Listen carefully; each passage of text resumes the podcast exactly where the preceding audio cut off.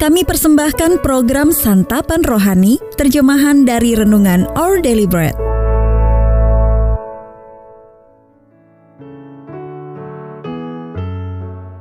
Sahabat ODB, pembacaan Alkitab hari ini terambil dari Mika 6 ayat 1 sampai 8. Mika 6 ayat 1 sampai 8. Pengaduan, tuntutan, dan hukuman Tuhan terhadap umatnya. Baiklah dengar firman yang diucapkan Tuhan. Bangkitlah, lancarkanlah pengaduan di depan gunung-gunung, dan biarlah bukit-bukit mendengar suaramu. Dengarlah hai gunung-gunung pengaduan Tuhan, dan pasanglah telinga, hai dasar-dasar bumi, sebab Tuhan mempunyai pengaduan terhadap umatnya dan ia berperkara dengan Israel. Umatku, apakah yang telah kulakukan kepadamu? Dengan apakah engkau telah kulalahkan?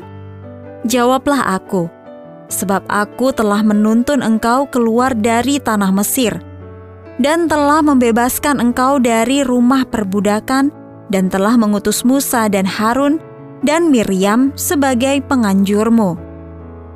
Umatku, Baiklah ingat apa yang dirancangkan oleh Balak, Raja Moab, dan apa yang dijawab kepadanya oleh Bileam bin Beor, dan apa yang telah terjadi dari Sitim sampai ke Gilgal, supaya engkau mengakui perbuatan-perbuatan keadilan dari Tuhan.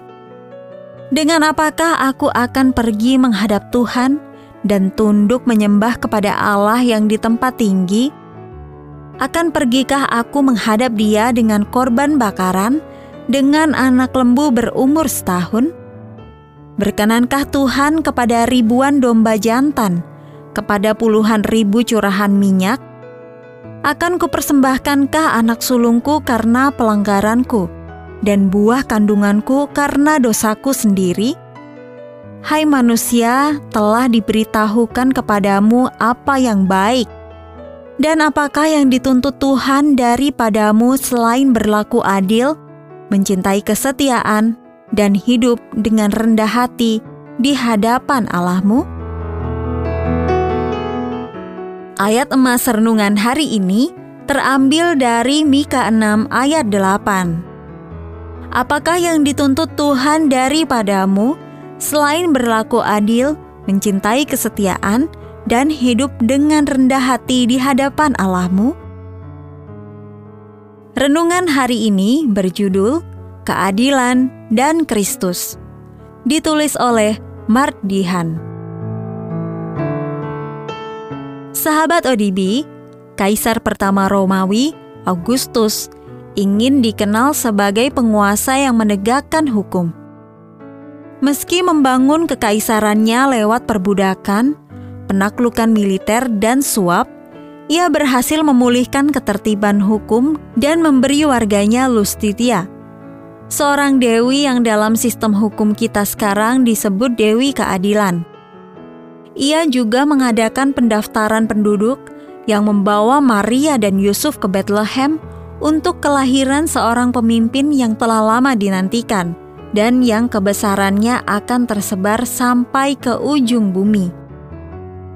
Augustus dan dunia sama sekali tidak pernah memperkirakan hadirnya seorang raja yang jauh lebih besar, yang akan hidup dan mati untuk menunjukkan wujud keadilan yang sejati. Berabad-abad sebelumnya, pada masa Nabi Mika, umat Tuhan sekali lagi terjerumus ke dalam budaya penuh kebohongan, kekerasan, dan harta yang diperoleh dengan tipu daya bangsa yang sangat dikasihi Allah telah meninggalkannya. Padahal dia rindu mereka menunjukkan kepada bangsa-bangsa di sekitar mereka apa artinya berlaku adil terhadap satu sama lain dan hidup dengan rendah hati di hadapannya. Dibutuhkan raja berjiwa hamba untuk mewujudkan keadilan yang dirindukan oleh mereka yang terluka, terlupakan, dan berputus asa tersebut. Nubuat Mika harus dipenuhi dalam Yesus agar relasi yang benar dapat terjalin kembali antara Allah dan manusia. juga antara manusia dan sesamanya. Hal itu tidak mungkin terwujud dalam ketertiban hukum yang ditegakkan di bawah perintah kaisar, melainkan hanya dalam kemerdekaan yang didasarkan belas kasihan, kebaikan, dan teladan Raja kita yang berjiwa hamba, Yesus Kristus. Sahabat ODB, ingatlah, menurut Anda, apa artinya berlaku adil, mencintai kesetiaan, dan hidup dengan rendah hati di hadapan Allah? Bagaimana Anda melihat hal-hal tersebut terwujud dalam diri Yesus? Ya Bapa, dalam nama Yesus, tolonglah aku untuk berlaku adil kepada sesama dan semua orang yang kau hadirkan dalam kehidupanku. Our daily bread ministries, mendapatkan buku renungan ini dalam bahasa Indonesia, Inggris, atau Mandarin, WhatsApp kami di 0878 78789978 atau email indonesia@odb.org dan kunjungi website santapanrohani.org. Persembahan kasih dari Anda memampukan All Deliberate Ministries menjangkau orang-orang agar diubahkan. Tuhan memberkati.